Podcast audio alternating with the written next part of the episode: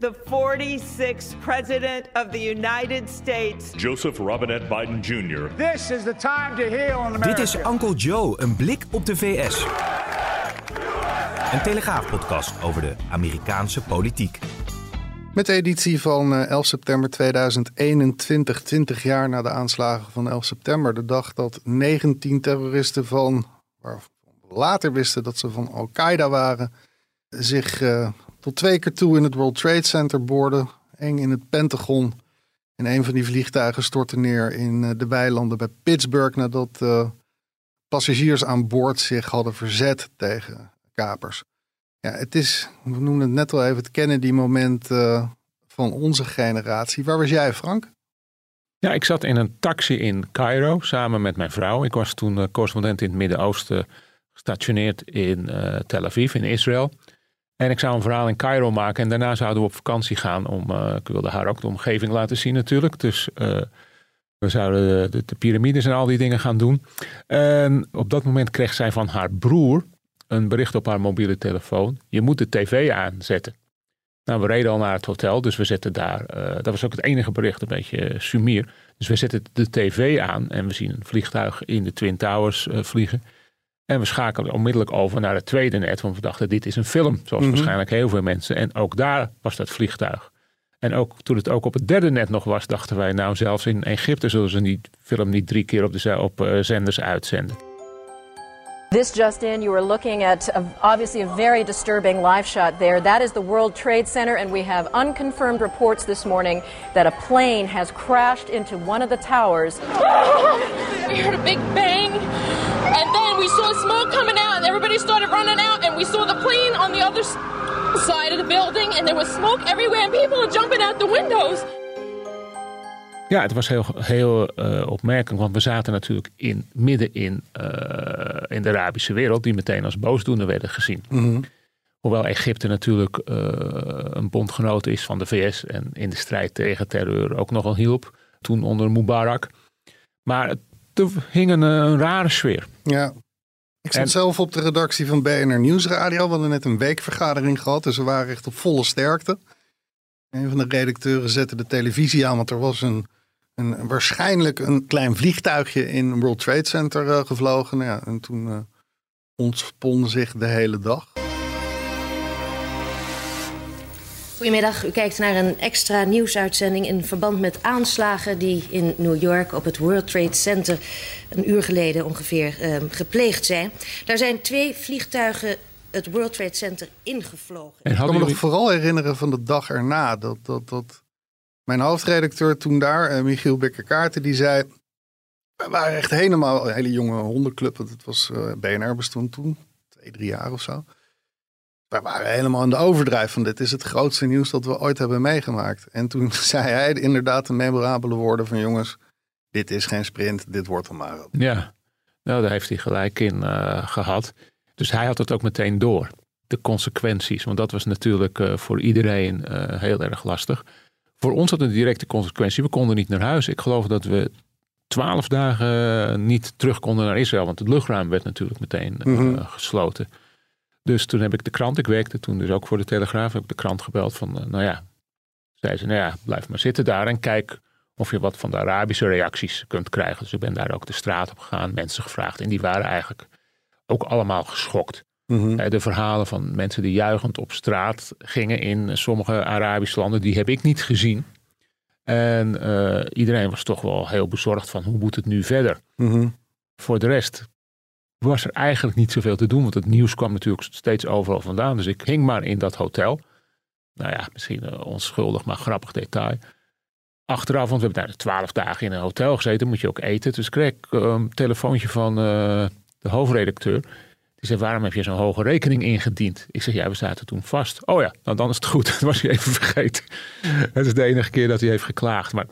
En wat ook mij ook nog bijstond, was dat er ook vrij veel Amerikanen in dat hotel waren. Mm -hmm. En die waren toch, toch, toch wel redelijk nerveus. Ja. Steeds aan het vragen, is het luchtruim al open? Mogen we naar huis? Bang omdat hun iets zou gebeuren. Nou ja, daar kon ik me ook wel indenken. Ja, was wel even blij dat ik geen Amerikaan was, hoewel dat niet veel zal hebben uitgemaakt verder. Nee, je was wit, blank. Ja, blond haar, helpt niet. Wat meteen in ieder geval bij ons op de redactie toen duidelijk was: dit is terrorisme. Uit welke hoek? Dat was nog wat onduidelijker. This is CBS News continuing live coverage of the apparent terrorist attacks today here in New York City and in Washington, D.C. It's important to say these things at the very beginning. There is much that is not known about what is happening. The second thing is that the word from almost everybody who's trying to deal with the situation, the word of the day is steady. Steady. Yes, there have been some terrible things happening, but until and unless we know the facts, it's very difficult to draw many conclusions. Als je het nou over islamitische terreur hebt, in de tien jaar daarvoor staan mij in ieder geval slechts drie echt grote aanslagen bij. De eerste aanslag op het WTC, die, die als door bijna een wonder mislukte. Ja, maar die Eh, was toch ook Al-Qaeda? Ja, klopt. Ja. Er zat eh, die Ramzi al-Youssef Ja. achter, die inderdaad ook later bij Al-Qaeda Ja. ging. Want Al-Qaeda als zodanig bestond op dat moment nog niet. Dus meer een lo- lone wolf. eh. Ja, nou ja, er waren wat meer wolven bij betrokken. Maar maar- het, was, het was een initiatief van een lokale moskee, eh, min of meer in ieder geval. De andere tweede grote aanslag was die dubbele aanslag op Amerikaanse ambassades in Afrika in Ja. 98. Al-Qaeda was dat. En in 2000, een jaar voor 11 september, eh, de, de aanslag op de USS Cole in Jemen. Ja. Dat was eigenlijk het enige wat we tot dan toe eh, in de recente eh, herinneringen in ieder geval wisten over islamitische terreur. Ja, maar goed, dat heeft denk ik ook iets te maken met onze onwetendheid. Het was er natuurlijk wel, ook vooral in Arabische landen waar men onderling strijd had tussen de diverse geloofsrichtingen. Mhm. Osama Bin Laden was nou niet bepaald geliefd in zijn geboorteland Saudi-Arabië. En was natuurlijk naar Afghanistan getrokken om daar de strijd in ieder geval te financieren tegen, tegen de Russen toen nog. Want hij wilde geen ongelovigen op zijn grondgebied hebben. En later is hij echt groots gaan denken. En dat zie je dan eigenlijk uiteindelijk eh, culmineren in eh, de aanslagen van 9-11. Mhm. die, die andere aanslagen waren ook al groot hè, voor terreuraanslagen. Het was meestal een lokaal eh, iets met wel doden, maar niet in de honderdtallen. Die, en later eh, de duizendtallen die Al-Qaeda en Osama Bin Laden claimden. En dat Mhm. was, ik heb toen later ergens beelden gezien of gehoord, dat weet ik niet meer, waarin ze achteraf eh, zelf verbaasd waren over het succes van de aanslagen van 9-11. Want ze hadden niet verwacht dat die torens zouden instorten bijvoorbeeld. Nee. Ja, daar zit, dat is pijnlijk om naar te kijken hoe mensen zo blij kunnen zijn met eh, zo'n, zoiets gruwelijks als, en zoveel doden op je geweten. Ja, maar goed, het was natuurlijk ook wel een heel groot, om het voor in hun frame dan maar even te zien, een heel groot succes. Ja, en fantastisch georganiseerd. Ja. Ga maar eh, vlieglessen nemen. Pikant detail daarbij was dat, er een, eh, dat ze vliegles hebben genomen in Amerika bij een Nederlandse eh, Vliegschoolhouder, in Florida. Ja, dus nu, nu een film van gemaakt, een documentaire. En die man vertelt daarin dat die, die mensen waren vooral geïnteresseerd in het opstijgen en vliegen. En ja, daar gingen geen alarmbellen ringen. En ja, dat kan ik die man ook niet kwalijk nemen. Ik bedoel, niemand, niemand had dit kunnen voorzien. Of misschien eh, had de CIA het kunnen voorzien, maar wij gewone mensen niet. Dat gaat gewoon je, je bevattingsvermogen te boven. Het was niet voor niets dat iedereen dacht, nou het zou wel, eh, die het hoort dacht van nou zo'n klein vliegtuigje onbestuurbaar of zo. Maar ja, van die grote passagiersvliegtuigen, dat had toch echt niemand verwacht. Nee. We have another copy. There is the second plane, another passenger plane hitting the World Trade Center. These pictures are frightening indeed. These are just minutes between each other. Op het moment dat dit allemaal gebeurt, zit eh, president Bush op een lagere school verhaaltjes voor te lezen. En ik, ik denk dat, dat, dat veel mensen die, die het destijds bewust hebben meegemaakt, dat moment nog wel kunnen herinneren. Dat er een assistent achter hem kruipt, in zijn oor fluistert wat er is gebeurd. En dat je dat gezicht ziet verstarren. This word the fast way. Get ready. Mad. Yes, mad. Get ready. Cap. Yes, cap. Get ready. Yes. I had to deliver a message that the president didn't expect to hear and was almost unbelievable. Die foto hebben we vandaag in de krant. Ja, want dat is inderdaad ook nog wel leuk om te weten. Een hele grote 11 september special. Dus eh, misschien dat iets wat, van wat u hier hoort ook wel weer terugkomt in de krant. Maar dat zullen we natuurlijk zoveel mogelijk eh, proberen te vermijden. Hij is mooi eruit te halen, mooi bewaren exemplaar. Die reactie vervolgens van Bush. Afghanistan komt dan eigenlijk meteen in het vizier. Ja, klopt. En nog even over dat fluisteren. En eh, de, dat Bush heeft toen nog even zijn boek uitgelezen. Eh, daar heeft hij later over gezegd van, uh, er werd toen een beetje, werd hij een beetje belachelijk gemaakt van dat hij de ernst niet inschat. Of zij het heel goed de ernst ingeschat, maar ik wilde die kinderen geen angst aanjagen en ik wilde ook even een moment hebben om na te denken. Mhm. En dat heeft hij eigenlijk ook goed gedaan, want wat je ook wilt zeggen, het presidentschap van Bush, het tweede eh, presidentschap van Bush, is eigenlijk gemaakt door 9-11. Ja. Want hij wist toen door uh, allerlei wetten uh, erdoor te krijgen, de Patriot Act en dat soort dingen, veel meer macht naar de president te krijgen. En hij bereikte op het hoogtepunt, had hij een goedkeuringscijfer van 90 procent. Nou ja, Mhm. dat zijn Noord-Koreaanse cijfers. En dat is ook nooit meer bereikt in de VS. Nee. En hij was ook meteen wel, want hij, toen hij zei we gaan beginnen een war on terror, zijn er mensen in om, zijn omgeving die hebben gezegd, nou misschien moet je dat woord war niet gebruiken. En daar was hij heel duidelijk in, nee, het is een war on terror, on uh, de misdadigers die dit hebben gedaan en de mensen die hem, die hun huisvesting geven. I've directed the full resources of our intelligence and law enforcement communities to find those responsible and to bring them to justice. We will make no distinction between the terrorists who committed these acts and those who harbor them. And we stand together to win the war against terrorism. En ja. toen kwam natuurlijk de Taliban uh, om de hoek kijken, omdat uh, het vermoeden bestond, of dat wisten ze waarschijnlijk wel zeker, dat Osama bin Laden, die ze dan daarvan van de aanslag uh, verdachten, dat die in Afghanistan was. Ja. En dan is Afghanistan binnen een maand wordt het al binnengevallen. Ja. Uh, eerst met, met, met, met name CIA-agenten, later dan ook echt boots on the ground, zoals ze dat te noemen. Ja. En volgend jaar voorbij is, is Kabul in uh, Amerikaanse handen. Is toch ook wel een kleine voorbode van wat je dan, daar komen we nog over te spreken, maar wat je later ook in Irak zal zien van snel militair succes, maar wat moeten we vervolgens? Ja, en nou ja, kijk, dat wordt Bush ook verweten, dat hij het oorspronkelijke doel om Osama bin Laden te arresteren. Kijk, de inval was omdat de Taliban wilde Osama bin Laden niet uitleveren. Nee. Daar hadden ze de kans toe gekregen, dat is niet gebeurd. Toen zijn de Amerikanen binnengevallen. Toen ging het verhaal dat die, uh, Osama bin Laden in de bergen zat, in Bora Bora. Tora Bora. Tora Bora, ja, sorry.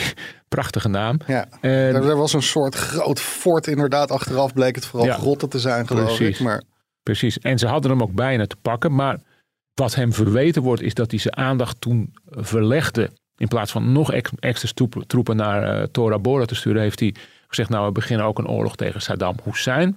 En dat zou, volgens zijn uh, criticasters, zou de aandacht te veel hebben afgeleid van de jacht op Osama bin Laden, waardoor die niet gepakt is. En pas tien jaar later uh, werd opgepakt in de grensstreek of in, in Pakistan aan de grens met, met Afghanistan. Ja, Irak wordt inderdaad dan bij die, die oorlog tegen terreur betrokken. Want komt het verwijt, uh, de regering van Saddam, het regime van Saddam Hussein steunt terrorisme. Ja. Um, er worden allerlei bewijzen voor opgevoerd die achteraf, zachtst gezegd, omstreden ja, te de, zijn. De beruchte wapens van massa, de vernietiging. massavernietiging. Maar er uiteindelijk, want dat was inderdaad dan het doel van die inval in Irak, niet heel veel zijn gevonden. Nee, nee volgens mij helemaal niks. Nou, wat er is uh, gevonden stamde nog uit de tijd ja. van de Irak-Iran-oorlog. En dan heb je het over ja. chemische wapens bijvoorbeeld. Ja. Kijk, Saddam Hussein was natuurlijk een boef. Een uh, wrede dictator. Vooral tegen zijn eigen mensen. Hij heeft uh, Koerden met mosterdgas bestookt. Hij heeft oorlogen met Iran gevoerd. Maar hij was geen terrorist. Hij was vooral op zijn eigen land gericht. Mm -hmm. En daar had hij een ijzeren vuist. Maar voor de rest was het een vergezocht argument. En ook hier weer was het zo dat, dat de invasie van Irak was snel een feit. Ja. Het land was vrij snel veroverd. Uh, om er vervolgens een stabiel land van te maken. Uh, dat, dat is op zijn zacht gezegd ook niet gelukt. Bijkomend nadeel, er werd eigenlijk alleen maar meer terrorisme gecreëerd op deze manier. Ja, nou ik was eerder in Irak geweest. En ik was in Irak toen ze, dus, dus ja, ik wist dat Saddam uh, echt geen lievertje was. Toen ze Saddam oppikte, reed ik in een auto met een uh, vertaler door uh, Koerdistan. Dus het noordelijke deel van, uh, of het deel van, van Irak. En opeens gingen de, zag ik daar opeens allerlei mensen op straat met de Koerdische vlag en in de lucht schieten. Dus ik zeg tegen de chauffeurs, misschien moet je even de radio aanzetten. Want ik denk, dit, dit, dit kunnen ze anders nooit maken. En ze zijn natuurlijk ook uitgestapt. En toen bleek inderdaad dat Saddam was opgepakt, uit zijn hol gehaald. Hè, Mhm. De beroemde beelden. Dat was heel bizar. Want eh, ik werd meteen bij mijn arm gepakt door een hele dikke politieagent. En ik moest meedansen. Want het was feest en alles. En ze bleven maar in de lucht schieten. En ik denk, ja, jezus, ik heb geen helm op. Die kogels komen ook een keer naar beneden. Maar goed, we hebben daar een verhaal gemaakt. Toen als een speer naar Tikrit, dat was de geboorteplek van Saddam. En in de buurt daarvan was hij opgepakt. Mhm. Daar was de sfeer heel anders. Daar, daar, zat, zat, zat zijn stam, zeg Mhm. maar. En de baatpartij van hem was heel groot daar. En eh, daar zei mijn eh, vertaler, Frank, blijf jij maar even in de auto zitten. Ja. Want ik ga wel vragen, ik weet wel wat je wil vragen. Bijna van, wat gaat er door je heen vragen, dat Ja. soort dingen. En toen zei eh, de chauffeur, die zei toen van in gebrekkig Engels, Mr. Frank, Mr. Frank, go sleep, go sleep. Mm. Ik denk, wat bedoelt hij nou? Ik ben helemaal niet moe. Maar toen deed hij zo met zijn arm naar beneden. Ik denk, oh shit, hij wilde dat ik op de vloer ga liggen. Ja. Want ze kunnen me hier zien. Mhm. En eh, dat was inderdaad, werd het een beetje eng. Hij pakte ook zijn pistool uit het eh handschoenentasje, handschoenenbakje. Toen dacht ik, want ik had hem eerder gevraagd, heb jij een wapen? Toen zei, hij, had hij nee gezegd. Ik denk, oh, hij heeft er toch een. Ja. Wat ik natuurlijk wel had kunnen bevroeden. En gelukkig kwam mijn eh, vertaler terug en eh, zei, nou ik heb alles, huppakee, weg hier. Want het is hier, eh, ze houden hier niet zo van dit soort vragen. Nee. Dus wij weg en op weg naar Bagdad. Dus kwamen we later in de middag aan, daar weer een verhaal maken. Daar was het eigenlijk een soort, wel heel veel opluchting. Maar ook een beetje hing het vanaf wie het je vroeg. Maar je zo zie je hoe het hele land, hè, van, van de Koerden helemaal opgetogen. Bij Tikrit heel erg boos. En in de hoofdstad een soort, nou ik denk 70, 30 procent. Ja. Dus 70 procent voor eh, blijdschap. Wat je, Het beroemde beeld van dat moment was de latere Amerikaanse ambassadeur in Nederland, Paul Bremer, die dat eh, zaaltje binnenkomt en Ladies and gentlemen, we got him. Ja, dat was ook wel een man van, eh, van goede quotes. Die, die Brenner, die, eh, die draaide er niet omheen, zullen we maar zeggen. maar goed, daarmee bereikte de, de, de, de war on terror, is daar dus vers- echt wijd verspreid. En, en Bush had ook meteen gezegd, het gaat niet ons niet alleen om Osama Bin Laden. Iedereen die een terrorist huisvest, daar gaan we achteraan. ja, En dan krijg je dus al die oorlogen. En, en, en, en uit het uiteenvallen van Irak kwam van alles. hè, kwam, kwam IS naar voren. Kan je de oorlog in Syrië bij betrekken? La- laten we daar nog heel even mee wachten, want er is dan een oorlog tegen terrorisme. Maar ondertussen heb je een hele grote aanslag in Londen. Ja. Een grote aanslag in Madrid. Een hele grote aanslag op Bali. De Beslan-drama. de, eh, eh, de musical in, in, in Moskou. Veel meer aanslagen dan je in de periode daarvoor hebt gezien. Ja, omdat Osama Bin Laden was natuurlijk, had een zeker charisma. Gold ook als een eh, strikte moslim. Hè. Het was, hij, hij was heel rijk. Hij kwam van, een, eh, van, van de rijkste, een van de rijkste families uit Saudi-Arabië. Zijn vader was eh, bouw, eh, bouwondernemer, geloof ik. Mhm. Vader overigens van meer dan 50 kinderen. Ik neem aan bij verschillende vrouwen, mag ik hopen. Maar goed, dat geeft even iets anders aan. En hij, had dus, hij heeft even een tijdje in het bedrijf van zijn vader kunnen, kunnen werken. En nou, hij had net zo goed een, een, een, Saudi kunnen zijn die veel geld verdient. En dan in de wat meer liberale buurlanden stiekem cola tik zou gaan drinken. Zoals ik Ja. in Dubai eh, heb gezien in disco's en zo waar ze dan staan. Maar nee, hij koos voor de ultieme, hele strikte vorm van de islam. Ging ook naar Afghanistan toe, financierde daar de opstand. En kreeg steeds meer het gevoel van... hey, ik ga een oorlog beginnen en ik ga een oorlog beginnen... waarbij het Westen uit elkaar wordt gescheurd... zodat ze een oorlog tegen de moslims beginnen. Dus alle moslims, niet alleen de extreme. En uiteindelijk zullen wij moslims eh, overwinnen. En dat gedachtegoed, dat speelde natuurlijk bij ja, een heleboel... eh, misschien wat, wat gefrustreerde Arabische jongeren. Het gaat natuurlijk niet, eh, niet. Het ging ook niet goed in de Arabische wereld. Eh, hoge werkeloosheid en zo. Weinig vrijheid. Scholing die vooral gebaseerd was op, op eigenlijk alleen de islam. Dus ja, die zagen een kans om, om het avontuur te grijpen. En eh, die haat tegen Amerika, dat is altijd een beetje dubbel geweest. Dat, toen ik daar, als ik heb daar rondgelopen in Palestijnse kampen, nou hebben die niet zoveel met Al-Qaeda, maar ook in, eh, in, andere buurten in de Arabische wereld. En eh, ja, die staan ze, de Amerikaanse vlag steken ze in de fik. En als je dan later rustig met ze praat, dan zeggen ze: Wat wil je worden? Ja, dan zegt zo'n jongen: Ja, ik wil dokter worden. Ja. En ik zeg, nou, uh, waar we dan studeren? Ja, in Amerika, daar hebben ze de beste scholen. Ja, dat is heel dubbel. Sommige van die demonstranten worden ook betaald. Maar goed, er, is, er was een gevoel van frustratie die eruit kwam. En Osama Bin Laden, door het succes, had hij aangetoond... hey, Amerika is helemaal niet zo machtig. We kunnen ze echt pijn doen. Mhm. En ja, dat is eigenlijk vergelijkbaar wat mensen nu zeggen, experts over Afghanistan. Van dat de Taliban weer aan de macht is gekomen, is een enorme boost voor jihadisten. Ja. Denk je dat? Ja, denk ik wel. Ja. En je, ik, bedoel, ik geloof zelf meer in de theorie dat, dat we twintig jaar lang hebben geprobeerd een staat te creëren, dat dat niet is gelukt. Uh, omdat we uh, corrupte uh, politici steunden die Tuurlijk. de macht die ze hadden zat in de steden en op het platteland is er niet zo heel erg veel veranderd. Zagen ze vooral die corruptie in de grote steden en dachten ze, nou ja, Ja, maar- heel veel slechter dan dit kan het niet. Nee, dat klopt. Dat klopt. En eh, ja, het is natuurlijk ook heel erg dat. Kijk, ze hebben het natuurlijk geprobeerd, die nation building. Mhm. Alleen ze hadden zich misschien beter kunnen. je moet het land schoonmaken van terroristen, maar je moet het land ook schoonmaken van corruptie. Anders krijg je de bevolking niet mee. Maar Nee. wat ik net bedoelde is dat, dat de Taliban weer terug is. En dus niet hè, zelf claimt we hebben gewonnen van Amerika. Dat is voor mensen met jihadistische gedachten wel een enorme stimulatie. Niet voor de Afghanen zelf. Ja. De leeuwendeel zal daarvan balen. En eh, nou ja, je ziet de vrouwen die zich nu zorgen maken. En eh, ja, al die wanhopige mensen bij de airport. Dus ja, die Taliban zijn helemaal niet geliefd in eigen land. Nee. Maar als jij een beetje kronkel in je, in je hersenen hebt. En, en ja, dan zou je je daar kunnen door laten inspireren. Zoals IS ook mensen inspireerde met hun videoboodschap. IS is wel een interessant, omdat IS en Al-Qaeda liggen elkaar niet zo. Maar het is wel weer zo dat IS is ontstaan dankzij een voormalig Al-Qaeda-lid, meneer Al-Zarqawi. Ja. Ongeveer volksvijand nummer twee na Osama, eh, met name in de Irak-oorlog. Omdat eh Zarqawi het eh, op Amerikaanse militairen had voorzien in, in Irak. En die begint min of meer met wat hulp van, van oude eh, eh, eh, toppers uit het Baat-regime een nieuw soort club, Islamitische Staat. Er is een groot verschil met Al-Qaeda natuurlijk. Al-Qaeda was een beweging. Islamitische Staat, de naam zegt het al, had echt het streven om daadwerkelijk een land te worden. Is weer een stapje verder, zou je bijna zeggen. Al-Qaeda 2.0.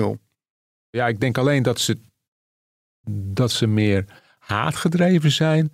En ik denk dat er een element van, ja, dat klinkt misschien heel gek, maar van idealisme nog wel bij Osama Bin Laden zat. En dat dat Want misschien... had als, als kennelijk doel eh, westerlingen uit het Midden-Oosten. Ja, Islamitische precies. Staat heb ik nooit echt op, op een doelstelling zoals dat kunnen betrappen.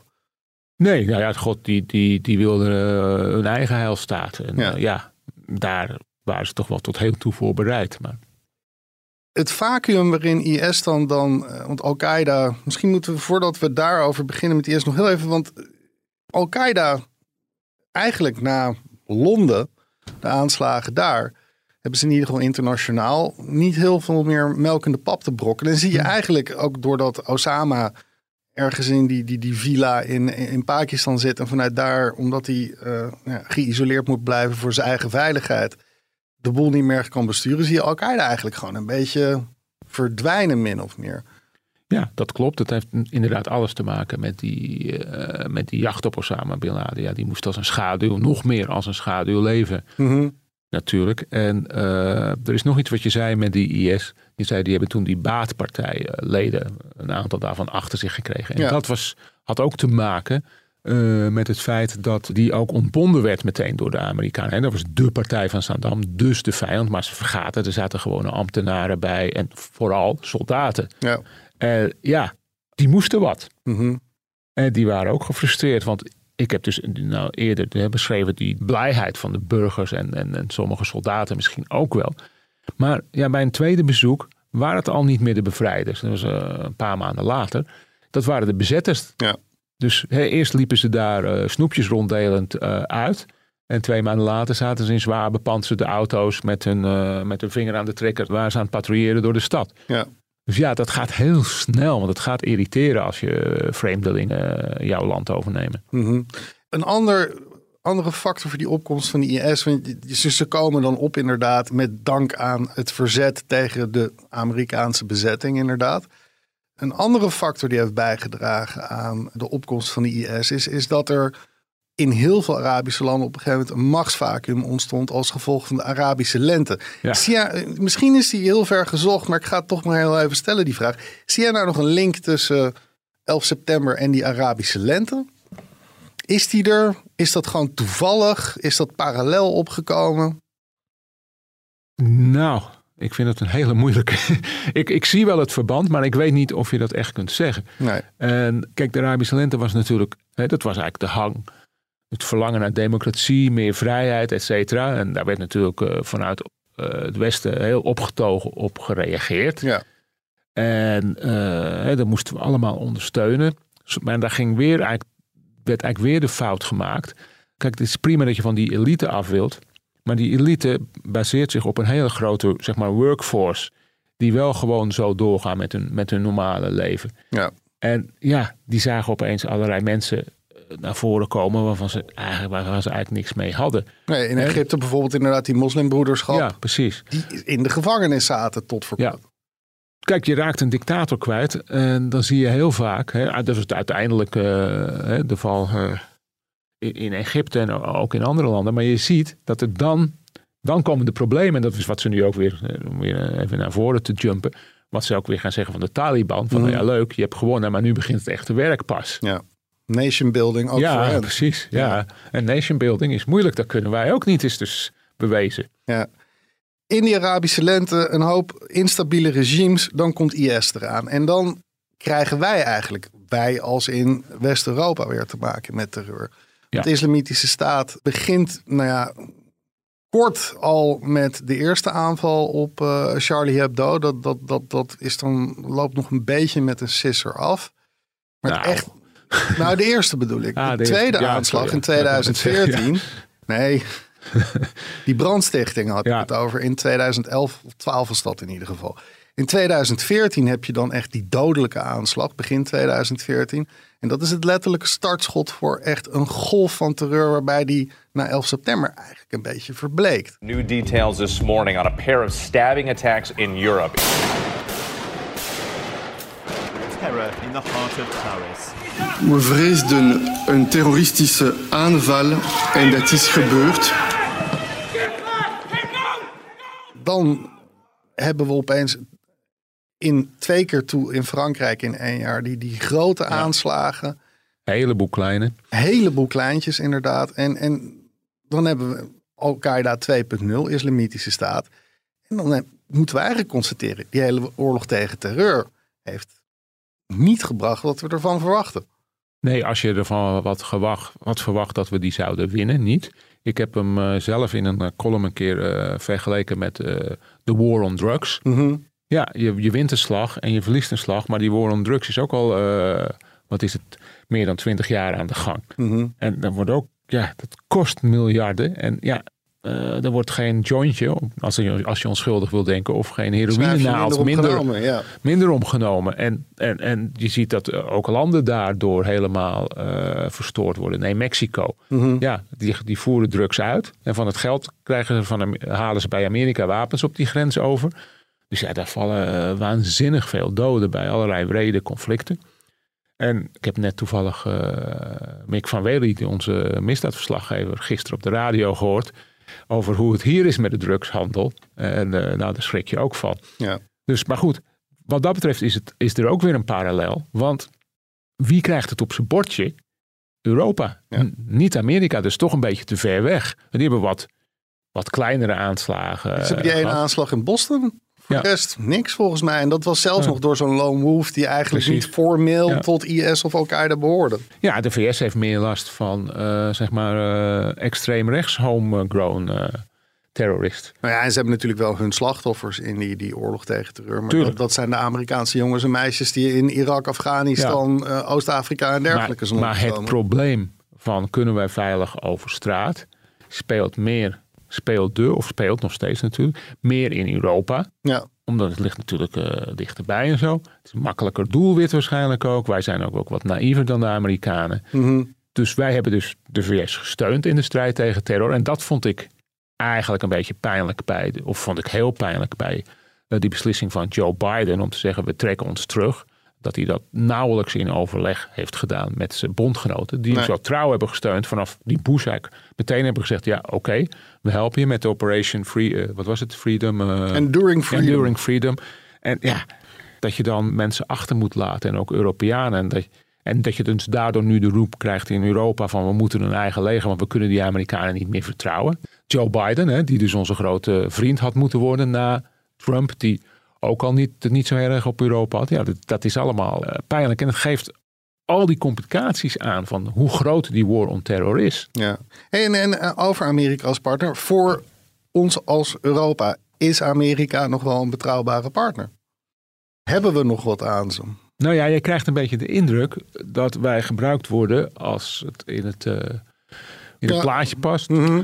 En uh, bijvoorbeeld Joe Biden heeft een partner nodig in zijn economische oorlog, misschien tegen China. En hij wil ook heel graag de liberale democratie uh, overeind houden. En daar zijn, dat willen wij ook. Dus er zijn allerlei dingen die we willen. Maar ja, het is niet voor niks dat mensen als uh, Merkel en Macron zeggen van nou, misschien moeten we wel iets anders dan die NAVO. Het kan natuurlijk helemaal nog niet, want dat heeft ook Afghanistan aangetoond. Zonder Amerikaanse luchtsteun kunnen we helemaal niks. We hebben die spullen helemaal niet. Nee. We hebben er ook nooit in geïnvesteerd, hè, dus we kunnen het onszelf verwijten. Maar ja, ik denk dat die banden, die zijn wel sterk. Maar ze zijn door de, als je het vergelijkt met de knieband. Die knieband is uitgerekt eerst door, uh, door Trump. En ja, nou, uh, nou wordt, krijgt, uh, geeft Biden er ook nog even een trap tegen. Ja, hij doet het alleen met een glimlach op zijn gezicht. Dat is eigenlijk het enige verschil met Trump als je het heel kort door de bocht samenvat. Ja, nou, ja, dat is inderdaad heel kort door de bocht. Ik denk dat hij het wel wil, maar wat prachtige term make no mistake. Het is America first, ook ja. voor Joe Biden, maar ja. voor iedere president. Obama ook natuurlijk, allemaal idealen. Die heeft één keer na in die war on terror daarna heeft hij een speech gehouden in Cairo, waarbij hij de moslims een beetje wilde paaien en uh, begrip wilde kweken en zo. Ja, dat is ook niet aangekomen. Nee. En daarna heeft hij ook alleen maar drones op terroristen afgestuurd. Ja. Ja. Afgevuurd. Um, twintig jaar later, Osama Bin Laden ligt in zijn zeemansgraf ergens in uh, de Indische Oceaan. Als hij uh, vanuit die plek, sleeping with the fishes, twintig jaar verder uh, bekijkt wat er is gebeurd, heeft hij gewonnen of verloren? Is het gelijk spel? Nee, ik denk, en dan doe ik de optimistische versie. Ik denk dat wij een heel zwaar boksgevecht hebben gevoerd. Waarbij we eerst op punten achter stonden door de verrassing. Toen lagen we voor. En uiteindelijk hebben we, als we zijn ultieme doel zien, hè, zeg maar die, die oorlog en echt een moslim-christelijk uh, of westers conflict Mhm. mm -hmm. hè, op, op grote schaal. Daarin heeft hij gefaald. Dat is niet, zover is het niet gegaan. Nee. Dus wat dat betreft ben ik, hè, moeten we ook optimistisch zijn. Wij hebben toch heeft het Westen. Ik bedoel, er zijn nog wel wat dingen die gebeuren. Maar het Westen is toch sterker dan hij had gedacht. Hè? Die, die, die, die, die slappe, verwende Westelingen rechten op een gegeven moment toch wel weer hun rug. Mm -hmm. En dat heeft Amerika natuurlijk ook gedaan. Er staat nu uh, Freedom Tower. Die is niet voor niks uh, hoger dan de Twin Towers. Ja. Omdat ze wilden laten zien van hé. Hey, en wat dat betreft, ik mag niet te veel verklappen wat er in die krant staat. Maar een heel mooi verhaal van onze correspondent in Amerika, Jan Postma. Die heeft een man gesproken die dus uit de Twin Towers is ontsnapt, rennend de trappen af. En die uh, door een vuurzee uh, vrienden verloren. En die was de eerste die een kantoor huurde in de Freedom Tower. Dus die zit daar op de 85ste verdieping. Ja, ja daar heb je wel ballen natuurlijk. En ja. dat, dat hebben we wel getoond. Maar ja, we hebben wel een Achilleshiel. Misschien kunnen we ook gewoon nog niet spreken over winst of verlies, omdat het gewoon nog volop bezig is om in, in, in bokstermen te blijven. Ja. We hebben pas zes, zeven ronden achter de rug. Ja, het is. Uh, gelukkig zijn het geen Duitsers, want die winnen altijd in de laatste minuut. maar het ain't over till it's over. En ja, kijk, die, die verandering in de Arabische wereld of in de moslimwereld. Ja, die, ik bedoel, Tunesië is dan het enige voorbeeld van waar het goed zou zijn gegaan. Nou, daar zijn ze weer terug bij af met een autoritaire Precies. president inmiddels. Precies. Ja. En daar zijn de mensen ook weer blij mee, want de hang naar de sterke man is, ja, als het gewoon niet goed gaat in een land, dan is er altijd een roep om een hang naar een sterke man. Ja. Eh, Tegelijkertijd, misschien moet je ook gewoon een wat langere adem hebben. Ja. Hier in Europa hebben we er meer dan een half eeuw over gedaan tussen 1848 en begin 20e eeuw. Met de strijd om eh, eh, algemeen kiesrecht te krijgen. Ja. Dat, dat heeft gewoon drie, vier generaties geduurd. Ja, maar geduld is in de, het internettijdperk ver te zoeken. Hè? Dus, eh, en de zap-tijd. Ja. En dat hebben ze ook gezegd. Biden, die heeft natuurlijk gezegd... ja, we moesten wel weg uit Afghanistan. Ik had geen keus. Mhm. Het is onzin, had er gewoon kunnen blijven. Ik kan zeggen, ik heb een slechte vredesdeal gehad van Trump. Want die had buiten de regering in Afghanistan overlegd met de Taliban... en een Mhm. deeltje gesloten van... jongens, geen aanslagen meer op Amerika en de Amerikanen. Dan gaan wij weg. Maar ja, dat had hij ook kunnen aanpassen zoals hij zoveel heeft aangepast. En als je kijkt in Zuid-Korea barst het ook nog steeds van de Amerikanen. Omdat Noord-Korea nog steeds als een bedreiging wordt gezien. Het is wel iets anders. Hè? We zitten niet in Noord-Korea. Maar officieel is het volgens mij, daar, daar is nog steeds geen vrede getekend. Nee, klopt. Dus ja, je kan troepen overal hebben. En ja, dat willen de Amerikanen graag. Want ze willen die werelddominantie behouden. Mhm. Maar ik heb even opgezocht wat die war on terror heeft gekost. Er is net een eh, van de Brown University in eh, Rhode Island. Die heeft net een rapport uitgebracht. Cost of the 20-year war on terror. 8 triljoen dollar en 900.000 doden. En dat is dan 8 biljoen euro, zeg maar. ja, dollar iets. Ja. En 900.000 doden, want dan rekenen ze alles mee. Hè? Dus worldwide, ze zeggen in 80 landen zijn terroristische groepen actief. Dus ja, die war on terror, die is nog niet lang niet over. Nee. Nou ja, tot over tien jaar dan maar weer. Ja, als wij er nog zijn. Bedankt voor het luisteren. We zijn natuurlijk eerder terug dan eh, over tien jaar. Eh, maar in ieder geval tot zover eh, onze speciale editie in verband met het eh, 20-jarig jubileum van de aanslagen op 11 september. Eh, zoals gezegd, een prachtig bewaarexemplaar in, in de krant die vandaag is uitgekomen. Dus eh, koop die krant.